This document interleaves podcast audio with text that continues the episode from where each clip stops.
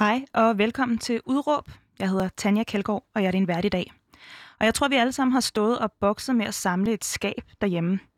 Nogle kalder det til med IKEA-testen, at man på en eller anden måde er et sundt match, hvis det kan lykkes en at samle et skab uden at rive håret ud af hovedet på hinanden. Og skabe, de fysiske af dem, de kan have mange praktiske formål. De fungerer som strukturering og opbevaring. Et sted, man kan kaste alt rodet ind og gemme det væk, inden der kommer gæster. Men så er der også de skabe, som man kan springe ud af. De fleste kender sikkert udtrykket X er sprunget ud af skabet, og det er den slags skabe, vi skal tale om i dag. Den slags skabe er lavet af normer. Det mener i hvert fald dagens gæst. Udråb i dag skal handle om at skabe mere plads for LGBTQIA plus personer i det store fællesskab, i samfundet. Og hvis du sidder derude og tænker, ej, det er altså ikke mig, jeg er jo ikke en LGBTQIA plus person. Jeg slukker nu. Så vent lige lidt, for det handler også om dig. Min gæst i dag er med i den organisation, der hedder Normstormerne. Hun hedder selv Anna Vandel Petersen, og hun mener, at vi skal rive de der skabe ned sammen. Velkommen til, Anna. Tak. Ja, og hvad er dit udråb? Men mit udråb handler jo meget om det, du lige har været inde på, nemlig at vi skal i stedet for at bede en masse individer om at springe ud af skabet om og om igen, så skal vi i stedet for, så skal vi give fællesskabet ansvar for at rive lortet ned, så der ikke er alle de her individer, der skal springe ud. Sådan. Det var næsten kort og præcist. Ja. Hvad, hvad mener du med det? Vi skal rive lortet ned sammen. Vi skal sørge for, at der ikke er nogen skabe at springe ud af. Hvad mener du med det? Jamen, det er jo en stor, øh, stor samfundsmæssig pædagogisk udfordring, men det handler om, og det ligger meget... Øh, øh, dybt integreret i normstormernes tilgang øh, til øh, børn og unge, som er dem, der er vores primære målgruppe, som er, at vi skal være bedre til at kigge på de normer, som er med til at øh, informere og strukturere, hvad vi synes er rigtigt og forkert, øh, sundt, usundt, øh, godt, dårligt osv. Øh, og det gør vi blandt andet ved at blive mere bekendt med normer. Altså så de normer, der fortæller os, at der er noget, der hedder en rigtig dreng, og han går med blåt, og han er interesseret i piger, og han ser ud på en bestemt måde osv. Øhm, fordi jeg tror i virkeligheden, at mange af os er informeret eller guidet af de her normer, uden rigtig at vide det. Altså det er en, en ubevidst øh, måde at være styret nogle normer på, og det tror jeg, man kan komme til liv, så man bliver bevidst om dem dybest set, så man kan kritisere dem, og måske vælge noget andet, hvis det er det, man har lyst til. Og nu sagde jeg, at, øh, at du står her og siger, at skabene er lavet af normer. Mm. Har du selv prøvet at være inde i sådan en skab? Mm, det er jo faktisk ret tit, øh, når man øh, ligner mig. Jeg ligner sådan en god øh, gammeldags, øh, vel, meget sådan normativt egentlig lesbisk, ikke? Øhm, og så normativt man, lesbisk? Ja, jeg ligner jo normen på en læbe, ikke? Det er, man forventer, en læbe ser ud nogenlunde Kan du prøve at beskrive, hvordan du ser ud? Jeg er sådan korthåret og går nok klædt mere maskulin end den generelle kvinde og sådan noget, ikke? Øhm, Nå, men så bliver man tit spurgt om ens personlige erfaringer med det her, og en af de ting, vi har taget med i i vores praksis, det er, at vi siger, men her er det faktisk ikke væsentligt, hvilke oplevelser jeg har personligt, eller du har personligt. Dels fordi, der er noget med, hvis man er minoritet, så er man en slags sådan... Øh, øh, informations øh, nysgerrighedstrigger. Alle vil altid gerne vide alt muligt, og der er noget med køn og seksualitet, som mange andre ting, der er, der tager en privat karakter. Og jeg kan have en fornemmelse af, at det gider jeg fandme ikke stå og snakke på øh, Radio Loud eller en folkeskoleklasse. Mm. Det, er det, det er det ene aspekt. Det andet aspekt er, at vi tror ikke, de enkelte erfaringer er de vigtigste. Vi tror, det er vigtigt, hvad de har til fælles, og det skal minoriteter snakke med hinanden om. Men det er ikke nødvendigvis det, der gør, at man kommer til at opdage de normer, der former os. Men øh, nu har jeg afsløret jo, at jeg ligner ikke en normativ øh, kvinde, og på den måde så har jeg stået et skab, fordi den norm, det er, at kvinder ser ud på en bestemt måde, og er sammen med øh, cis-mænd og sådan noget, den norm lever jeg ikke op til, så på den måde, det, det skaber et fundament øh, rundt om mig, som man kunne kalde et skab, ikke? Ja. ja. Hvem er der plads til i det fællesskab, som vi har i dag? Hvis man nu for eksempel kigger på en folkeskoleklasse. Ja. Altså, hvem er der plads til uden for det her skab? Mm, altså, der er jo, jeg tror, det er ret vigtigt at nuancere, at normer er jo alle steds nærværende. Ikke? De fortæller os alt muligt om alt muligt. For eksempel lige nu, at vi står og kigger hinanden i øjnene og sådan noget, mens vi snakker sammen. Ja, vi prøver ikke at afbryde så meget. Det er også en norm. Det er god stil. Præcis. Øh, og, og der, hvor vi synes, at normer bliver relevant at kigge på, det er, når de har noget at gøre med magt. Altså nogle normer, de er med til at sortere, hvem er de rigtige og de forkerte, for eksempel. Hvem mm. får adgang til arbejdsmarkedet, hvem gør ikke. Øh, og i en folkeskolekontekst, og, nå, og det er grund til at sige det, det er, fordi jeg vil sige, at det betyder også, at det er jo meget forskelligt, men helt overordnet, så må man sige, der er noget med en dansk kontekst, øh, at øh, i folkeskolen særligt, i litteraturen osv., der bliver man øh, i, i høj grad præsenteret for en målgruppe, som vil være noget med, at man var hvid, man kom fra en middelklasse, øvre middelklasse kernefamilie, det vil sige, der var en far, en mor, gerne to børn. De børn er tit en dreng og en pige. Øh, så er de tit øh, tynde, de er tit gående på deres ben, hørende med deres ører. De er tit ikke religiøse, de spiser tit, øh, øh, holder tit jul og spiser gris osv. Så, videre. så det er sådan en demografi, og det vi alle sammen, tror jeg faktisk, hvis man bor i Danmark og har gjort det et stykke tid, godt kan forestille os, hvem er øh, danskerne, ikke? Yeah. Øh, Socialdemokratiets posters, ikke? De, øh, de, øh, og det betyder ikke, at det liv er, er problemfrit. Det betyder, at de er øh, repræsenteret i en grad, øh, der nogle gange udelukker den den egentlige fordeling af, hvem der findes i det her samfund. Ikke? Og det synes vi er problematisk. Ja, og når du siger vi, så refererer du til normstormerne. normstormerne. Ja. Og vil du ikke for god ordens skyld forklare, jo. hvem er eller hvad er normstormerne? Jo, det vil jeg gerne.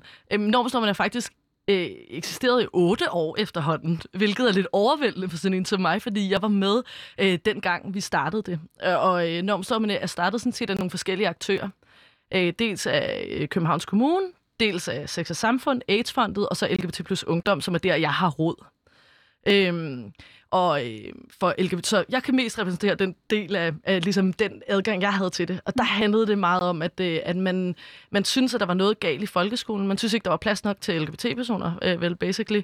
Øh, og, og vi prøvede at skabe mere plads ved at gå ud og fortælle vores spring ud historie. Altså, så vi fortalte om, hvordan vi hver især var sprunget ud af skabet. Øh, og det fik vi alle sammen øh, pisse ondt i maven over, fordi øh, dybest set det fucking grænseoverskridende at stå og fortælle en folkeskoleklasse, man ikke har nogen relation til om ens seksualitet, ens relation til ens forældre osv. Øhm, og også fordi det bryder med sådan en Hvorfor relation... gjorde I det så? Det var fordi, vi, vi troede på, at, øh, at, at dræbe nysgerrighed, det ville skabe mere plads. Men det øh, gjorde det ikke? Mm, jo, det tror jeg godt, det kan gøre i de enkelte klasser. Jeg tror bare, der er nogle problemer med det. Blandt andet, at hvis jeg nu er ude, så kommer jeg til at repræsentere alle lesbiske, og det er jeg jo selv sagt. Det er ikke det, det ene. Det andet er, at min succes i den klasselokale afhænger af, om de kan lide mig. Altså, hvad hvis de ikke kan lide mig? Så har jeg fucket det op for de andre læber, ikke? Mm. Øh, og så er det det sidste, at der er jo en pædagogisk fejlslutning i at gøre det der, men demonstrere over for børnene. Hvis du er øh, en, der ikke passer ind her, så det er dit ansvar at stille dig op og holde et foredrag for din klasse, for de så skal kunne lide dig. Ikke? Og, og vores pointe var sådan, åh, der er noget, der ikke virker her, der er nogle flere, der skal have ansvar. Nå, så det blev alle de her tanker, der kom fra alle mulige steder hen, øh, øh, blev til det her undervisningsprojekt, som så blev finansieret af Københavns Kommune, som gjorde, at vi fik noget pædagogisk didaktisk træning, vi lavede et reelt undervisningsforløb, der baserede sig på nogle workshops, vi fik øh, hjælp af en pædagogisk konsulent i sex og samfund, som var med til ligesom at strukturere noget, vel, som dybest set var mere fagligt funderet. Øhm, og det vi så har gjort siden, det er at undervise 7. og 10. klasser i normer for køn og seksualitet, og det gør vi altså, fordi vi tror, at det vil virke præventivt i forhold til øh, mobning og diskrimination og sådan noget af børn og unge i folkeskolerne. Og så nu, otte år efter, så er vi blevet voksne, og så er vi blevet selv, en selvstændig organisation. Vi underviser stadig i 7. og 10. klasser, både i Aarhus og København, men Øh, vi er sådan set blevet vores egen selvstændige organisation nu, så enormt står man ikke længere LGBT plus ungdom og AIDS-fondet og sex samfund. Så nu er vi vores eget, og det betyder, at vi kan nå længere ud, og også til kommuner, der ikke nødvendigvis er København og Aarhus. For det fungerer sådan, eller har i hvert fald fungeret sådan hed til, at øh, man kunne booke en workshop. Det kan man stadig. Ja. ja. Og det var så gratis for de enkelte folkeskoler ja. øh, at sige, vi vil gerne have besøg af normstormeren ja. i vores 7. klasse. Ja og så kom nogen fra normstormerne Så kommer der to fra normstormerne ud og holder en workshop på halvanden time, ja. Og hvad, hvad sker der i sådan en workshop, hvis du sådan kan sætte nogle ord på det? Mm, jamen, der sker nogle forskellige ting. Altså, dels så sker der det, at vi laver nogle interaktive øvelser med eleverne, der handler om at, ligesom at aktivere den del af dem, som kan reflektere aktivt over, hvordan deres verden ser ud. Så det kunne være en øvelse, ja, en øvelse, der hedder De Fem Hjørner, øh, så bliver de præsenteret over for en eller anden problematik. Det kan være, at vi har en, hvor, hvor en er kommet ind på sådan Team Danmark øh, øh, fodboldskole, øh, og så første dag, han er der, så bliver han kaldt øh, bøsse, fordi han løber, øh, løber for langsomt. Øh, og det bliver han mega ked af. Og så er det så, så skift. Og så øh, får eleverne mulighed for at løse det her fra fem forskellige perspektiver. Så det kunne være øh, den person, der blev ked af, at man brugte bøsse som skældsord. Det kunne også være personens kæreste, personens forældre. Det kunne være, øh, det kunne være øh, skolebestyrelsen, og det kunne være politikere. Mm. Øhm, og så skifter de aktører lidt alt efter hvilken klasse det er og sådan noget. Men så giver man ligesom dem muligheden for at løse den her problematik og forholde sig til den fra forskellige perspektiver og erkende, at forskellige aktører har forskellige handlemuligheder. Ikke? Øh, at øh, individet for eksempel står lidt sværere i den situation, end klasselæreren eller politikere gør. Men du sagde også, du havde nogle metaforer. I bruger meget metaforer, så sagde du noget med at hoppe op på et bord. Ja. Øh, der- og nu er jeg jo all for metaforer her Ja, med ja. at hoppe ind og ud og skabe og skabe mere Ja, plads i ja, fællesskabet og så videre. Kan du, kan du sige noget om jeres Ja, men metaforer? jeg synes faktisk, den, den, den, altså grundmetaforen, skabermetaforen i normstormerne, den handler om et bord.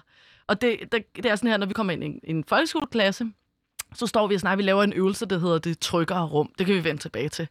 Men øh, så når vi har gjort det, så øh, vil vi gerne... Øh, imens vi laver det her trykkerrum, rum, så er der en af underviserne, der stiller sig op på et bord. Og så bliver der som regel øh, øh, sådan uroligt, folk kigger eller et eller andet, så spørger vi, hvad sker der? Så siger du står op på bordet og siger, det er rigtigt, hvad tænker I om det?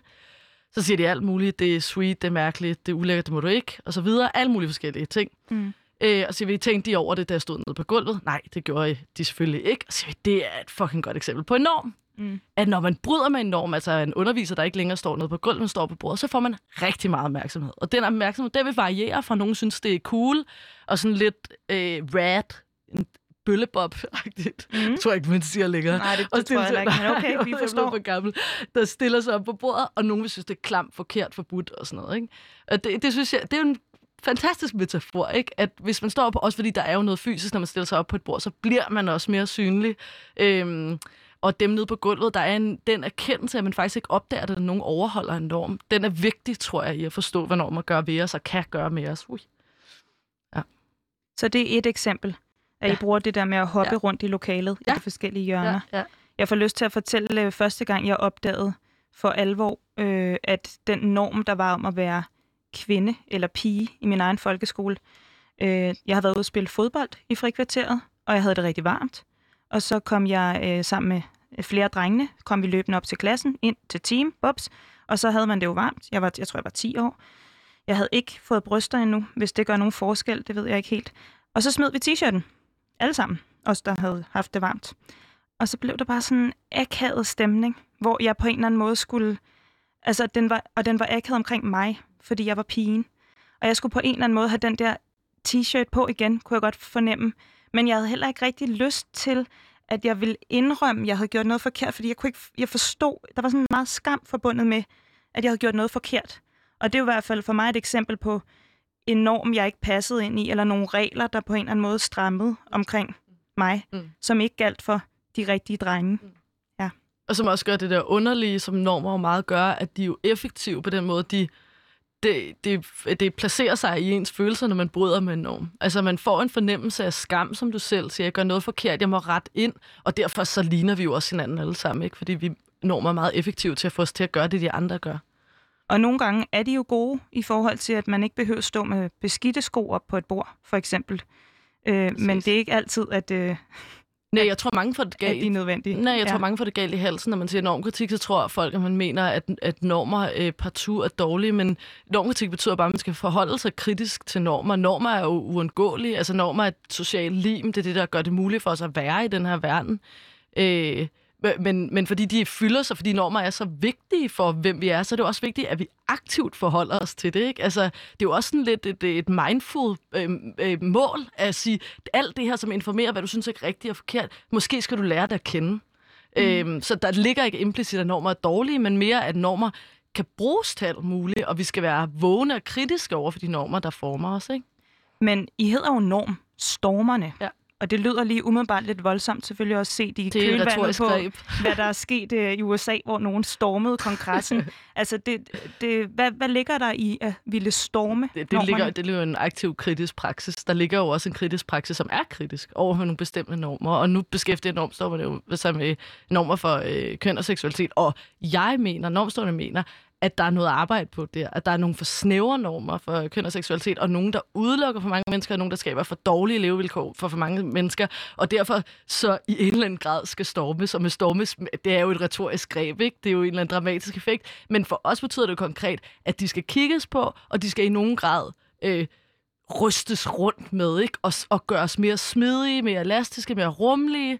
Øh, og det, det er jo det, vi prøver at bidrage til, ikke? At gøre. Man skal være kritisk over for dem. Er der nogen, der decideret skal væk? Det synes jeg er svært, fordi det er jo ikke sådan en solid ting. En norm er jo ikke sådan, dyk, det her. Men ja, altså, normer, der fortæller, at det er forkert at være øh, en mand, der går i kjole. Helt 100 procent. Væk med det. Skråt den. Det er jo ligegyldigt, hvilken formål, hvad, hvad tjener det i vores samfund? Jeg, jeg tror, nogle gange så er jeg konservativ på den måde. Jeg tænker også på, hvad der er godt for vores samfund. Og jeg kan simpelthen ikke argumentere for, at den norm den er god for vores samfund. Altså, jeg kan kun se, at den skaber mega træls levevilkår for mænd, der har lyst til at gå i kjoler, for eksempel. Mm. Det bliver mindre farverigt samfund. Ja, og Måske. fuck det, det er da også bare ubehageligt. Det er da ukammeratligt at gå og fortælle folk, at de er forkerte, hvis de går noget bestemt tøj. Hvor er det ligegyldigt? Det betyder jo ikke noget. Hvad så, hvis der er nogen, der siger, at det skaber forvirring, det der med, man kan ikke holde styr på, hvem er hvem og, Ja. og så videre. Hvad Ja. man skal sige, for Mm. eksempel. Ja. Skal man sige Ja. hun eller han til en, en mand i kjole? Ja. Hvad siger Jamen, du til dem? Jamen, at, at forandring er jo enormt forvirrende. Det er det jo. Men jeg tror, det er rigtigt, fordi... Og grund til, at jeg tror, det er rigtigt, og grund til, at vi enormt snart tror, det er rigtigt, det er, fordi vi tror, det vil skabe et bedre liv for flere mennesker. Og det koster jo noget. Det ville være løgn, hvis jeg stod og sagde, ja, men det handler heller ikke om, at du skal lave om på, hvem du er, og hvad du siger. Det gør det lidt. Det handler faktisk om, at vi skal alle sammen anstrenge os en lille smule mere, og det indebærer at nogle gange, at nogen skal lære at sige et kønsneutralt pronomen. Og jeg ved godt, at det er svært. Jeg ved godt, det er en vild debat, og jeg ved godt, at folk bliver pisseprovokeret og synes, det er latterligt og sådan noget. Men jeg synes ikke, det er så, så enormt stort offer for den plads, det egentlig skaber. Konsekvensen af det er, at rigtig mange mennesker får det lidt federe på deres arbejdspladser, i deres skoler og sådan noget. Det vil jeg gerne betale med i hvert fald. Mm. Så det kræver offer, som for eksempel, at man skal bruge nogle nye ord. Ja, altså det, Det lyder det, meget simpelt. det koster bidrag. Jeg ved ikke, om det er et offer. Det, det er jo rigtigt, det er en indsats. Ja. Det er det. Ja. Men det er det jo at respektere hinanden. At være høflig, sige tak og alt muligt, det er jo en indsats. Det er jo en social indsats, man laver, fordi man synes, det er godt. Øh, og det er der så nogen, der ikke synes, men det er, jo, det er jo en politisk debat, man kan have. Og den kan vi tage lidt senere. Ja. Øhm, hvordan går det med jer her under corona? Det kunne jeg godt tænke mig at vide, fordi Ja. at I er jo ikke ude og lave øh, workshops lige nu. Er, nej, lige nu er vi ikke. Altså, nej. heller ikke lige nu. Nu står du i hvert Nej, fald her, nej. men, øh, men altså, skolerne er jo Ja. rimelig lukket. Ja, ja. Og man kan sige, at vi er jo et eksternt tilbud, og der er noget med, hvem man prioriterer, når man er mega presset på sin undervisning og sådan noget. Der bliver vi selvfølgelig ikke prioriteret lige så høj grad, og sådan er det, fordi det er eksternt tilbud. Øh, men øh, der er nu stadig interesse for normstormerne, og vi har jo brugt en rumtid på, og det lyder banalt, og alle siger det, men det er sgu rigtigt nok at blive mega meget bedre til at lave online øh, undervisning. Og det er altså, og det er ikke et reklamesang, men det er sgu ret fedt. Altså, mm. Og øh, for os at få mulighed for tid til og grund til at arbejde med at blive bedre til at undervise digitalt, og arbejde med nogle af de her principper, vi arbejder med. For eksempel det her med at skabe tryggere rum. Hvordan fuck gør man det digitalt over Zoom, for eksempel, og sådan noget. Hvordan gør man det? Jamen, øh, det gør man egentlig med afsæt i det, vi allerede gør, men man skal bare arbejde med en opmærksomhed på de der elever, som er vanskeligt at etablere. Det er jo noget det, vi skal øh, til at forholde os til mere i praksis. Hvordan kommer det til at virke? Mm. Øh, Men altså, man kan jo ikke... Eller, hvordan, hvad er Zoom-pangdangen til at hoppe op på et bord? det er jo at formulere de, øh, de hvad hedder sådan noget, brud, man kan lave. For eksempel kan man lave den der hop op med et bord med at sige noget andet. For eksempel synes jeg faktisk, det der med at spride, smide tøjen mm. er et godt eksempel. Altså, der står øh, fire mennesker, en har bryster, fire har ikke.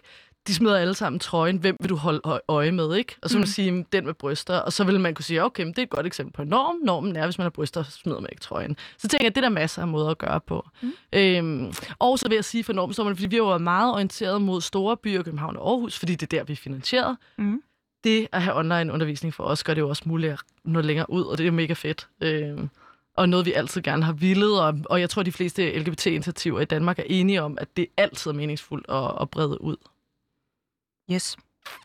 Du lytter til holdningsprogrammet Udråb, hvor jeg i dag har besøg af Anna Vandel Petersen fra Normstormerne, som har udråbet, vi skal ikke bede folk om at øh, springe ud af skabet, vi skal være fælles om at rive lortet ned.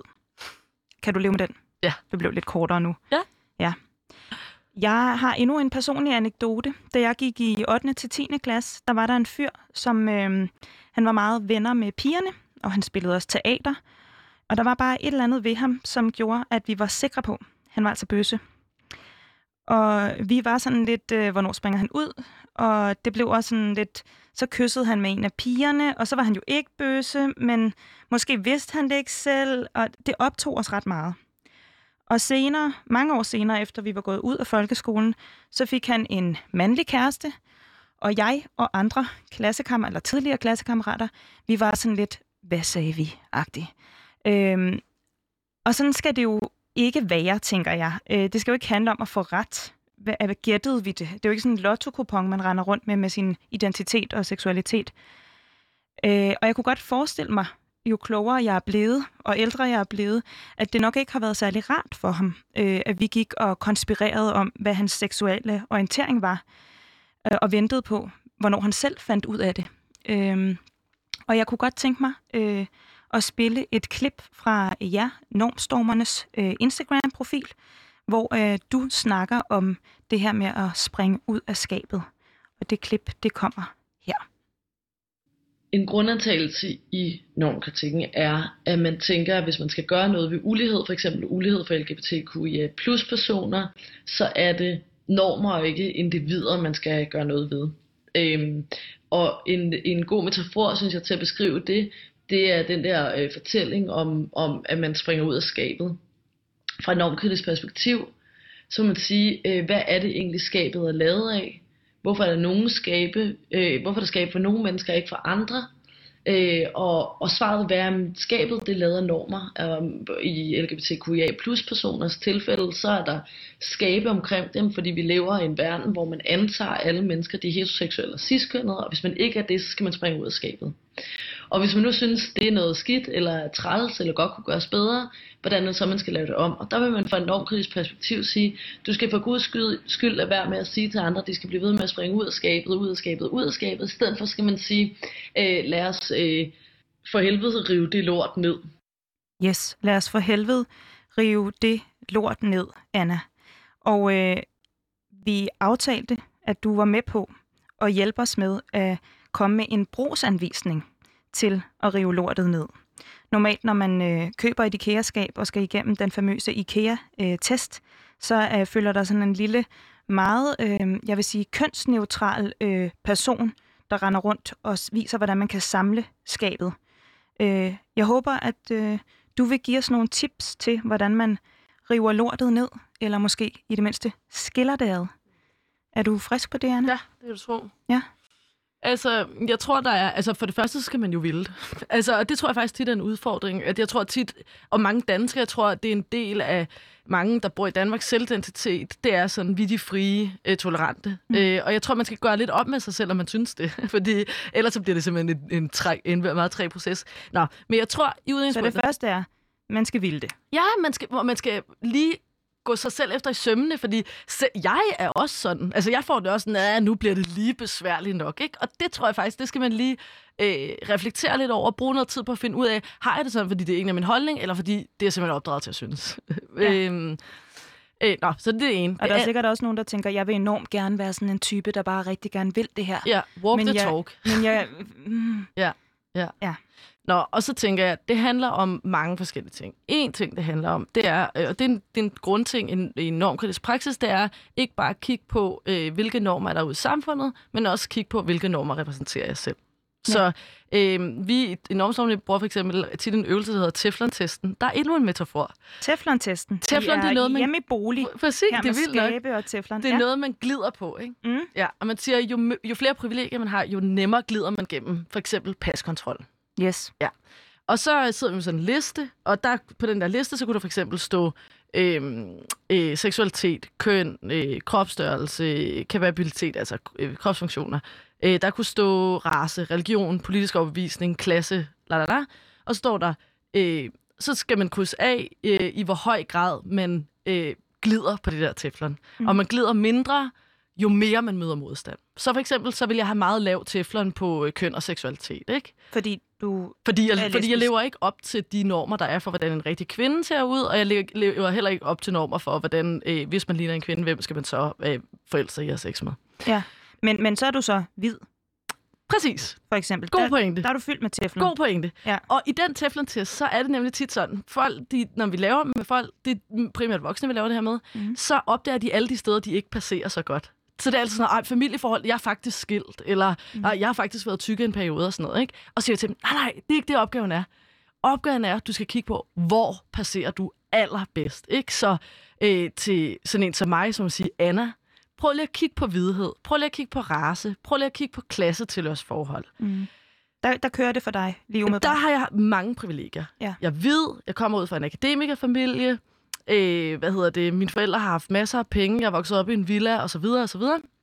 Øh, øh, jeg er tynd, jeg er kropskababel, jeg er øh, akademiker, en sp. Jeg, jeg har mange privilegier. Mm. Så vil man sige til mig, Anna, det er nok de steder, du lige skal kigge på, øh, hvis du har lyst til at have en inklusiv praksis. Fordi man gætter på, der hvor du har flest privilegier, der er du nok dårligst til at opdage, når andre har nogle, øh, har nogle øh, begrænsninger i bare for adgang til ting der. For eksempel, det er det, der hedder privilegieblind. Ja, det bliver man jo ikke, ikke og noget, man kan være privilegieblindt valg, men man kan også være det, fordi man simpelthen aldrig har tænkt over det. Ikke? Mm. Og, og helt lavpraktisk, så synes jeg, en til metafor, øh, trappen er jo mest synlig for den, der ikke er gående, ikke? Mm. Altså, jeg vader op og ned ad trapperne indtil den dag, bang, der kommer en kørestolsbror, og så opdager shit, mand, der er en trappe op til Radio Loud. I har også en elevator. Mm. Øh, men øh, men øh, nå, og, og når jeg så ikke opdager det, så gør det, at jeg kommer til at ekskludere nogle andre. For eksempel en person, der sidder i kørestol. Mm. Eller øh, jeg kommer til at købe svinekød til øh, hele afdelingen på mit arbejde, fordi jeg ikke har tænkt over, at der er nogen, der ikke gjorde det, og så videre. Så hvis man har lyst til at have færre skave, mm. så kan det være en ret god idé, idé lige at kigge sig selv efter i stømmene. Hvor er det, jeg har mange privilegier? Hvor er det måske, jeg skal træne mit blik på, øh, at jeg kan være ekskluderende? Så det er virkelig at kigge indad ja. og forholde sig til sig selv. Ja. Mm. ja. Og, øh, og det, det kan man jo så gøre både fra øh, det perspektiv, der hedder, at man måske tilhører Altså det kan man jo gøre uanset om man tilhører ja. øh, LGBTQIA plus ja. øh, ja. gruppen, hvis man kan sige det sådan, og hvis man ikke føler, man hører ind under den gruppe. Det er det smarte ved normkritik, ikke? At det er jo, fordi normer vedrører alt i vores samfund, og derfor, hvis man kritiserer normer, kommer man også til at kritisere alt muligt forskelligt. Nå, og så øh, helt øh, konkret i forhold til køn og seksualitet, så mm. synes jeg, der er nogle ting, der går igen for eksempel, der er mange øh, grundantagelser, man hele tiden støder på. Så for eksempel, hvis man nu, øh, hvis man nu øh, ligner egentlig sådan en normativ kvinde, ikke? Mm. og kæreste med en anden kvinde, så vil folk altid sige til en, Nå, hvordan går det med din mand? Eller sådan, Nå, han et eller andet.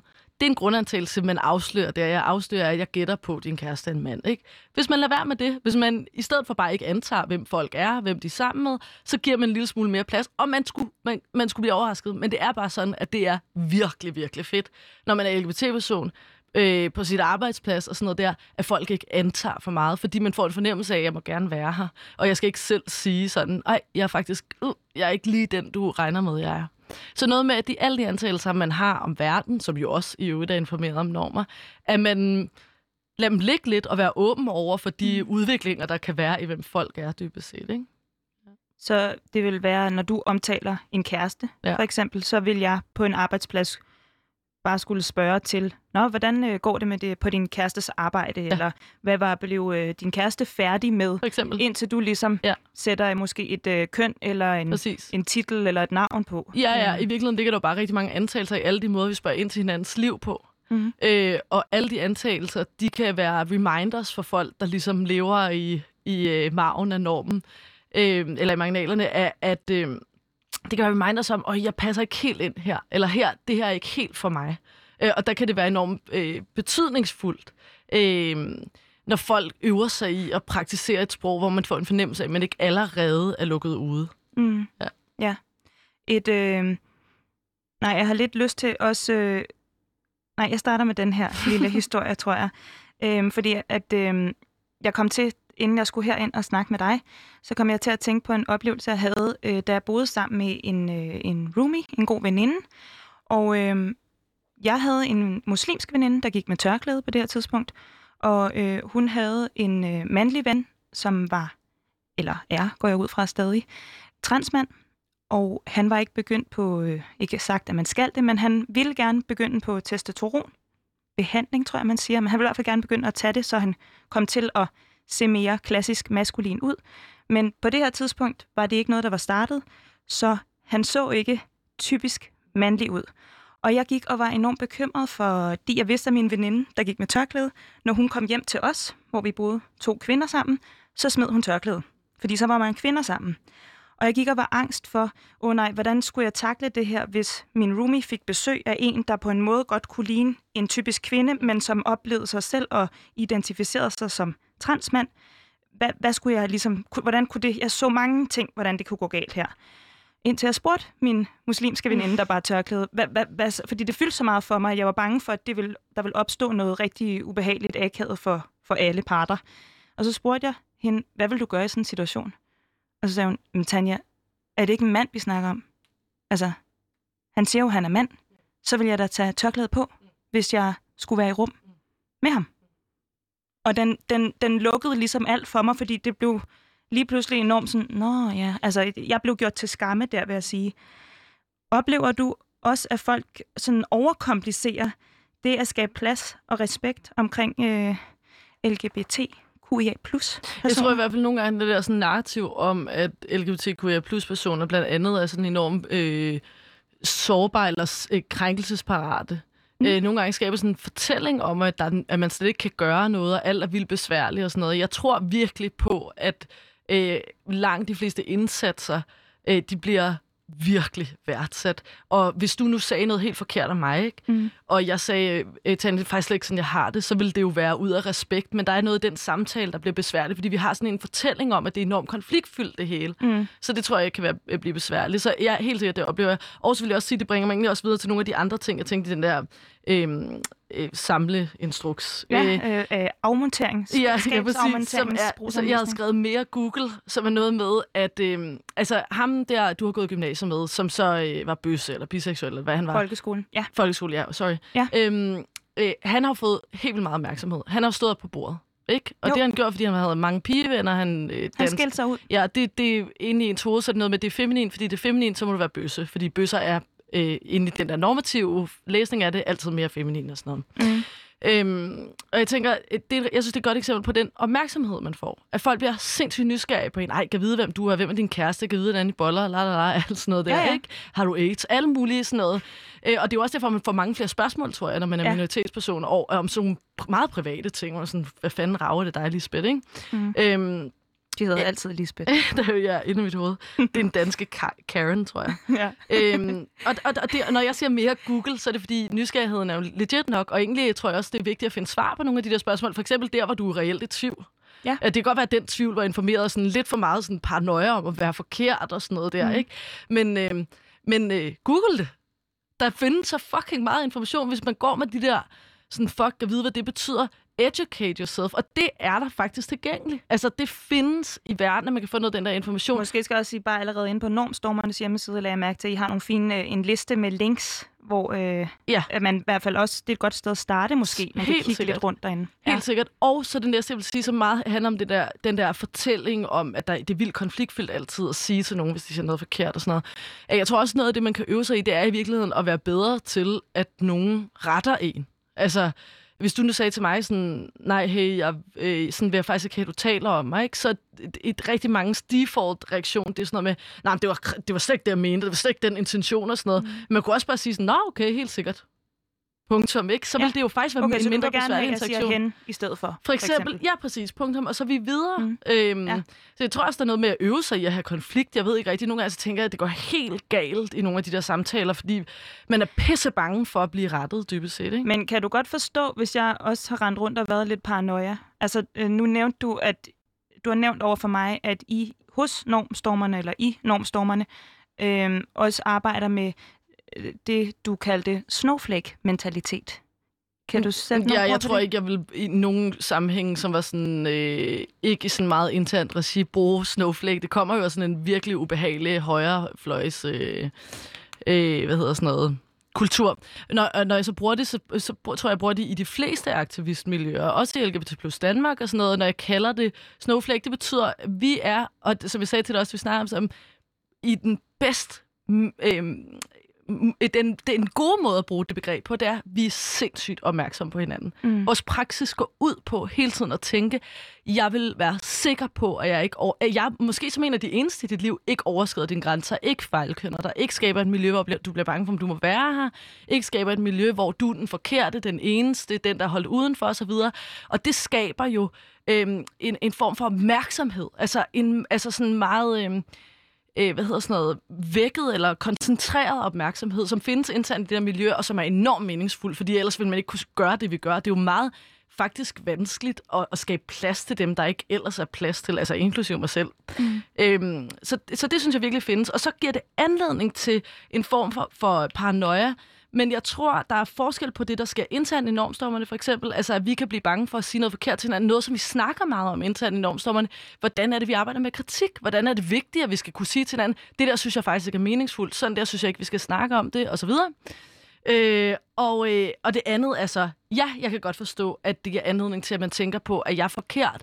Er jeg en af de dårlige? Er jeg en af dem, der ikke er woke? Er en af dem, der er homofober og sådan noget? Selvfølgelig. Mm. Øh, og jeg synes, man skal velkomme den tvivl. Øh, fordi jeg tror, ja. den rykker ind mod at handle. Ja. Og jeg er også i tvivl. Ja. Men er jeg i tvivl, så er det fordi, jeg har en ambition om at være mega god, og det er da fedt. Så hold af den ambition.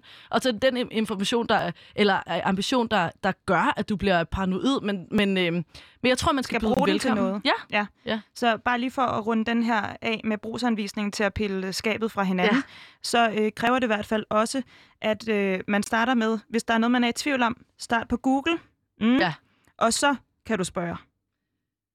Jamen, jeg ved ikke. Altså, jeg, det, jeg synes, øh, spørgepraksisen, den er, den er virkelig svær. Ja. Altså, tænk dig om, før Men Google spørger. inden, i hvert fald. Altid Google. Altid Google. Jamen, jeg mener bare, at øh, det er i hvert fald, hvis man, hvis man mener det her, som du sagde var det første, så kan man prøve at sætte sig lidt ind i det. det Helt sikkert. Så kan vi diskutere, om ja. det er en bog, eller Google, ja. eller hvad. Ja, og tag et godt gammelt spejl. Kig ind af. Ja. ja, og så tage Teflon-testen. Yes. Kan man finde den noget Ja, det kan man. Jeg tror så gerne, den ligger på vores Facebook et sted. Skide godt. Ja. Det måtte jeg ikke sige i radioen. Nå, men øh, du lytter til holdningsprogrammet Udråb, og jeg har i dag besøg af Anna Vandel Petersen fra Normstormerne. Og det faktum, at normstormerne eksisterer og tager ud på folkeskoler, når der ellers ikke lige er corona, men ellers underviser i seksualitet og identitet. Kønsidentitet. Kønsidentitet. Øhm, er det et udtryk for, at seksualundervisning og de her emner, når de ellers dækkes i folkeskolen, ikke er god nok? Altså, vi laver ikke seksualundervisning, så det vil jeg faktisk ikke sige noget om. Men, altså, jeg synes, at seksualundervisning i folkeskolen er mangelfuld. Helt sikkert. Det er mm. også vores holdning i normstommerne, øh, og den kunne klare blive bedre. Det er der masser af øh, fagprofessionelle, der er helt enige med at sige. Men, øh, men ja, vi eksisterer, fordi det mangler. Altså, der mangler normkritisk pædagogik i folkeskolerne. Øh, og at vi kunne da også godt drømme om, ligesom der er kommet på pædagoguddannelsen, er blevet integreret nogle af de her perspektiver på minoriteter og sådan noget. Øh, det kunne vi virkelig også godt drømme os om blev integreret mere bredt. Så ja, det, vi findes klart af, af en eller anden mangel, der er. Ja. Mm. Oplever I, at det er fordi, der ikke er interesse for, at I findes? Altså får I noget kritik øh, ved at gå ud og sætte det her på skemaet? Ja, ja. Selvfølgelig. Sådan er det jo. Mm. Altså, øh, og vi præsenterer, jeg tror også, vi repræsenterer særligt for tiden en bestemt sådan, politisk øh, bevægelse, eller i hvert fald en idé om en politisk bevægelse, som får en masse modstand. Øh, men, men det sådan har faktisk ikke altid været. Altså, i mange år så var det sådan, at de fleste kommunalpolitikere, og det kan de jo også stadig, det er jo derfor, vi er her. Altså, mm. det er jo en politisk beslutning af norm, som det findes, ikke? Mm. Øhm, jeg var enige om, at det var meget Og med det mener du selvfølgelig, at det er støttet ja, det er økonomisk, præcis, præcis. og det er derfor gratis at få jer ud på præcis. folkeskoler i København og ja, ja, der er politisk mandat til at lave det, vi laver. Ja. ja. Så, så på den måde er der jo ikke mere modstand, at vi findes. Men, men øh, Øh, nej, på et tidspunkt var det jo bare sådan, at de fleste synes, det var rigtig fedt at lave nogle præventive indsatser i forhold til diskrimination og mobning af LGBTQIA plus øh, elever, og nu er det blevet en mere, jeg vil sige, øh, politisk tungt øh, område, eller øh, konfliktet område, og det gør også, at vi får noget opmærksomhed, som er mere negativ, end vi har fået før i tiden. Ja, og det var det, der skete øh, sidste sommer, så vidt jeg ved. Oktober. Oktober, undskyld. Ja. Det er en anden historie, jeg kan huske fra sidste sommer. Ja. Øh, men oktober så, ja. sidste år, 2020, ja. Ja. der kom normstormerne i politisk stormvær, ja. fordi I ikke ville lægge jeres undervisningsmateriale offentligt frem. Ja. Hvorfor ville I ikke det? Øhm, altså, det, det, altså, det er jo, det vil sige, det er tilgængeligt. Altså, man kan godt få vores undervisningsmateriale. Hvis man søger meget på Google? Ja, eller hvis man spørger Aarhus Kommune eller sådan noget, ikke? Ja, det kan man godt finde. Okay. Øhm, det her handlede om en meget specifik journalist, der henvendte sig for at få udleveret vores undervisningsmateriale, og jeg tror, vores anke i udgangspunktet var, at øh, Nej, det kan man ikke bare få, hvis man beder os om det, blandt andet fordi vi har noget undervisningsmateriale, som vi gerne vil beskytte, øh, altså for, for konkurrenceudsættelse, eller for at det bliver brugt i andre sammenhænge. Øh, for, ikke bare fordi vi ikke vil konkurrenceudsættes, men også fordi vi tror, at vores pædagogiske materiale øh, skal undervises med afsæt i noget træning. Altså, at man kan ikke bare få det i hånden og sådan, øj, eksekvere. Man bliver nødt til at forstå, hvad er det for nogle øh, underliggende tanker, der er. Mm. Øhm, ja, og, og det, jeg, jeg tror, at den, den, det, at, at vi ikke udleverede det i udgangspunktet, øh, afledte en forventning om, at det ville vi ikke, fordi det var enormt farligt, det undervisningsmateriale, der lå i det. Og det synes jeg virkelig var noget af det, der var rigtig spændende ved det. Det var, at man på den ene side sagde, øh, og det vil bare lave gennemsigtighed, øh, fordi det er bare vildt vigtigt med undervisningsmateriale, og så siger man lige bagefter, fordi I underviser piger og drenge i alt muligt, de ikke skal undervise. Så, ikke? så jeg tror også, den der, jeg tror også vores øh, ulyst mod at bare give det til øh, whoever, også var, at vi følte, at vi blev i, i udgangspunktet øh, dømt som nogen, der lavede noget helt vildt rabiat eller radikalt. Ikke? Men kunne I så ikke bare lægge det frem? Jo, det kunne vi godt. Det kunne vi godt, og det snakker vi også rigtig meget om, at vi skal. Altså, det er ikke sådan, vi er ikke låst inde i normsårene om, at det skal vi aldrig gøre. Og så vil jeg sige, at som jeg lige sagde, der ligger sådan set noget af vores undervisningsmateriale, både på Instagram og Facebook. Øh, der ligger artikler, som beskriver meget minutøst, hvad er det, vi underviser i. Så det er ikke sådan, at man er sådan, hvad fanden laver normstormene? Man ja. kan faktisk ja. ret nemt se, hvad vi laver, hvis man vil, ikke? Jo. Ja. Jeg skal også lige sige uh, rent oplysningsmæssigt, uh, agtindsigtsreglerne, som I faktisk også blev hvad kan man sige, I fik medhold i, at ja. I ikke ja. behøvedes udlevere ja. det. Ja. Øh, det handler netop om øh, konkurrencehensyn. Mm. Mm. Øh, det er et af de argumenter, når man er underleverandør, som man må sige er til Københavns Kommune, ja. øh, et supplement til noget undervisning. Ja. Øh, så, så må man faktisk øh, ofte, kan man bruge det her argument om, at ja konkurrencehensynet ja. øh, gælder. Og ja. det var også det, I fik øh, med, medhold i. Og det var også vores initiale argument. Og, men det har selvfølgelig affødt mange diskussioner, også internt enormt, om hvad det betyder. Øhm, når der er sådan en her slags modstand, er det så smart, at man siger sådan, om selvfølgelig skal I bare læse det, sådan, fuck det.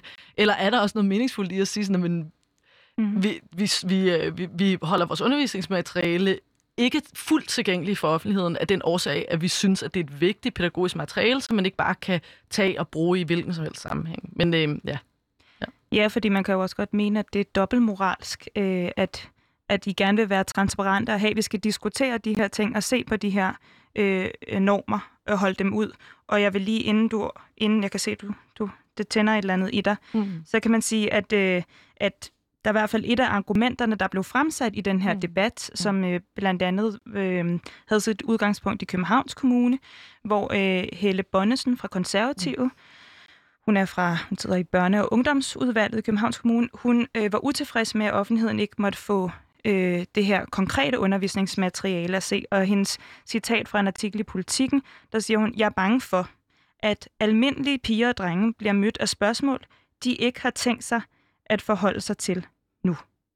De ikke havde tænkt sig at forholde sig til nu. Ja. Altså, at de bliver mødt med nogle spørgsmål, som de ikke havde tænkt sig at forholde sig til ja, nu. det kan man sige, det er vores formål. Altså, det er jo vores pædagogiske formål. Det er jo at stille øh, de børn og unge, vi møder nogle spørgsmål, som får dem til at reflektere kritisk, og det gør man blandt andet ved at blive stillet nogle spørgsmål, der ikke er blevet stillet før. Så det, det er sig selv, jeg vil sige, øh, der, hvis det bekymrer hende, så tænker jeg også, at hun måske ikke er helt enig i det, vi laver. Men når det er sagt, så tror jeg altså, at der er nogle forestillinger om, hvad vi laver i Normstormen, som, som overgår vores fantasi. Altså, vi laver øh, øvelser, som jeg sagde før, de fem hjørner, der handler om, hvad gør man, når, man, når en træner kalder en for bøsserøv og sådan noget. For mig at se, er det egentlig ret øh, generisk, og også noget, de fleste mennesker nok kunne stemme i. Ja, det er en meningsfuld samtale at have med børn og unge. Hvordan undgår vi at diskriminere hinanden? I fik også kommentarer fra øh, Henrik Dahl fra ja. Liberal Alliance, ja. som er medlem af Folketinget. Og han sagde noget i retning, at man skal huske, at folkeskolen er beregnet til, at alle borgere trygt kan sende børnene derhen, uden at blive præsenteret for voldsom, voldsomt selektive mm. oplysninger. Ja. Er det ja. det, I laver? Øh, nej, nej, nej, det er det ikke. Men vi er jo enige faktisk. Jamen, det er også, jeg tænker på, jeg har læst det der citat rigtig mange gange. Altså, vi er jo faktisk enige i, at folkeskolen skal være et sted, som alle kan være og være trygge og ikke føle sig øh, banket oven i hovedet og sådan noget. Og det er jo, vi er nok uenige i midlerne. Altså, at vi, vi tror, at en af de måder, man kan sende alle børn og unge i folkeskolen trygt, det er, at man hjælper dem med ikke at diskriminere hinanden. Ikke? Så jeg tænker, Henrik Dahl og os vil skulle nok kunne have en meget lang øh, sådan politisk, øh, jeg ved ikke, øh, etisk debat om, hvordan man skaber mest mulig plads og selektive, øh, hvad, hvad kan han, selektiv hvad?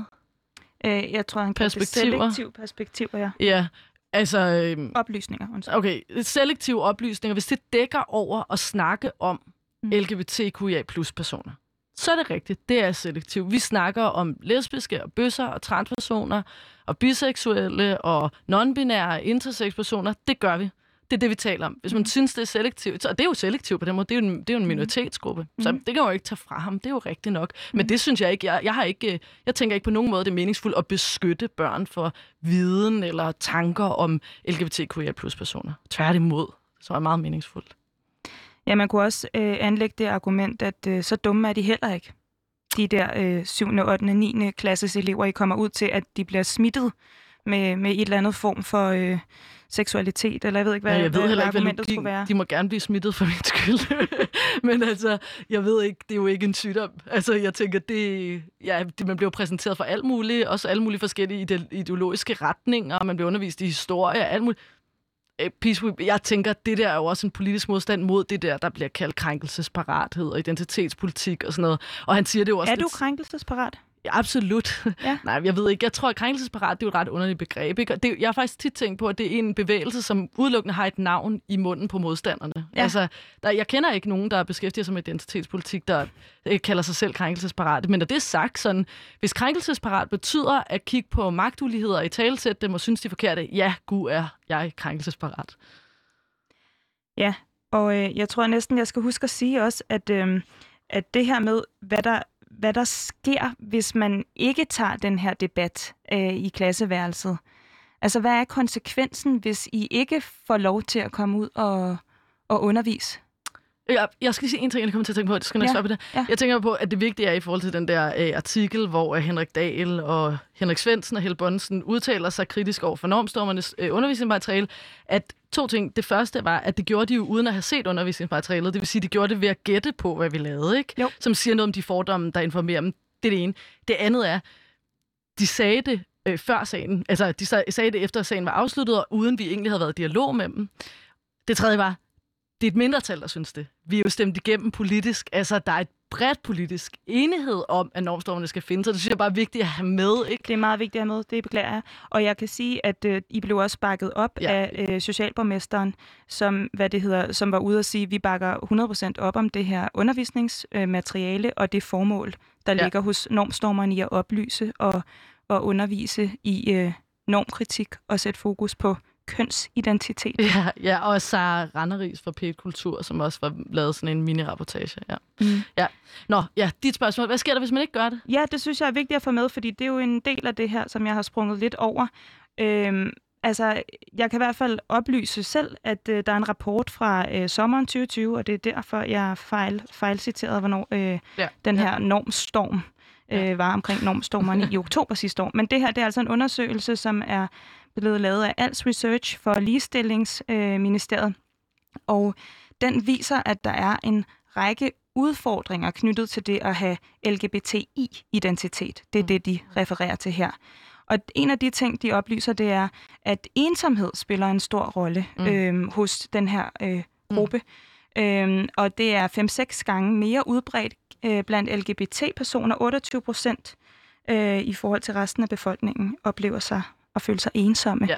Hvad, hvad er der ellers af, af hvad kan man sige, konsekvenser, hvis vi ikke får brudt det her skab, de her skabe ned? Altså, konsekvensen er jo bare en fortsættelse, upåvirket fortsættelse af de levevilkårsundersøgelser, som peger på, at LGBT-personer generelt har dårlige levevilkår, og det dækker over, al, over alt muligt. Altså blandt andet overrepræsenteret i, psy- i psykiatrien, mm. overrepræsenteret i selvmordsstatistikker, øh, i forhold til ensomhed, som jo lidt informerer noget af det her også, men også i forhold til somatiske lidelser. Så øh, for eksempel er der en overrepræsentation af lesbiske, som har øh, for brystkræft og bliver behandlet for sent og sådan noget, øh, og som har en dårlig tilknytning til sundhedssystemet. Der blev lavet en rigtig spændende undersøgelse, øh, måske var det i 2016, øh, af Karen Evers har, som, som pegede på, at, at øh, KSK og kvinder har sex med kvinder, Mhm. øh, øh, går meget mindre til lægen, er meget mindre trygt øh, ved at gå til lægen end andre, øh, end, end en generel befolkning. Så alt det peger jo på på en eller anden måde sådan, der er noget, der, der skubber LGBTQIA plus personer lidt ude af, af, af,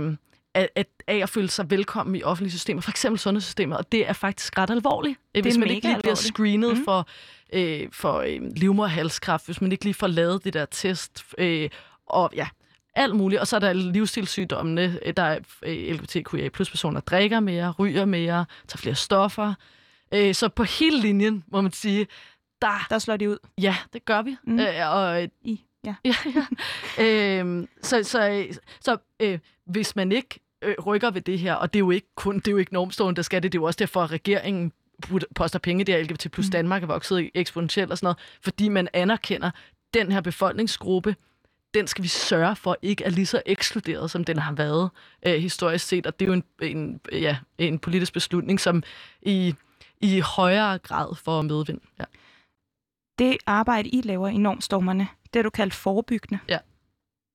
Kan du prøve at sige lidt om det? Jeg tænkte, det var sådan oplysende. Mm, ja, det er det vel også, men det hænger sammen, tror jeg. Altså, jeg tror, forebyggelse og oplysning i forhold til LGBTQIA plus personer, det er, det er øh, gensidigt afhængigt på en eller anden måde. Altså, Øhm, jeg tror, dels er der de enkelte LGBTQIA plus børn, der sidder, og unge, der sidder ude i, i folkeskoleklasserne, så vi underviser, jeg tror, det er fedt for dem at opleve sådan, fuck, jeg er ikke den eneste, og øh, det her er ikke bare, fordi det er, for, det er en forkert dreng. Det er også fordi, at det, det er nogle normer, der siger, det er la la, med andre ord, få et sprog for det, man oplever selv. Øh, ja, og så tænker jeg, at der er det her med sådan, at, at bidrage til, at man får et blik for det, der findes, for man kan kritisere det. Mit, mit, det, jeg først sagde, var det her med, hvis man får et sprog for de normer, der styrer en, så har man også mulighed for at stille spørgsmålstegn ved dem. Og jeg tror, at hvis man begynder at stille spørgsmålstegn ved mange af de her normer, så alle dem, der handler om køn og seksualitet, så begynder man at synes, at nogle af dem er lidt fjollet. Øh, og, og det vil, tror jeg vil skabe øh, langt, lang mere plads til langt flere forskellige slags mennesker. Ikke? Øh, og i modsætning til det mange tror, som handler om sådan, nu skal vi bare lukke køn ned og alle sammen gå i gråt, så er pointen jo, at vi skal gå i mange flere farver, end vi gør lige nu. Ikke? Lige nu går vi i rødt og i blåt. Øh, og jeg tror, at normkritikken og LGBTQIA plus personers perspektiver på køn og verden og sådan noget, kan bidrage til, at der helt grundlæggende bliver plads til flere mennesker i den her verden. Jeg havde lyst til at sige, at du lige skulle tage en dyb indånding og et, øh, en tår af noget vand, men det har vi ikke herinde. Too late. Ja. Men jeg vil gerne have, at vi runder af med lige at vende. Altså, øh, nu er min tid selvfølgelig skrevet som sædvanligt. Det er spændende at have dig i studiet, Anna. Øh, men altså, udråbet. Ja. Udråbet omkring, at vi skal ikke bede alle de her mennesker inde i skabene om at hoppe ud af dem. Ja. Vi skal øh, i fællesskab rive dem ned. Ja. Hvis vi gør det sådan verbalt, at vi siger, at vi tager skabet ud af fællesskab, mm. så er der fælles tilbage. Og hvordan ser den verden ud, øh, hvis vi lykkes med at tage de her besnærende normer øh, ud af fællesskabet. Ja. Jamen, det snakker vi også lidt om i går. Jeg vil ønske, at jeg kunne sige noget med happy-go-lucky, med, men det tror jeg ikke findes. Altså, vi lever i en verden af normer, og normer tror jeg altid vil skabe nogle bestemte sådan, majoriteter og magtdynamikker og sådan noget. Jeg tror, normkritikkens mål er jo at blive ved med at være vågen, altså at blive ved med at være kritisk, også forholde sig til sig selv. Synes jeg, at den her måde at lave LGBTQIA plus politik på er fedt, meningsfuld, kan alle være med osv. Øhm, så jeg tror, at den ideelle verden, det er den verden, hvor at de fleste mennesker har lyst til at praktisere og forholde sig kritisk til dem selv, og til den verden, der omgiver sig, og har lyst til at skabe forandring, hvis de ser noget, de synes er nederen. Øh, så, så jeg tror, en verden, jeg tror, at verden vil være mindre øh, kategoriserende og ekskluderende, hvis folk egentlig var bedre til at forholde sig til sig selv. Øh, og var mere ambitiøse om at inkludere mennesker, der var anderledes for dem selv i deres arbejdsliv og politik og Det lyder også meget spændende. Fester. Ja, det ville være fucking spændende, ja. ja.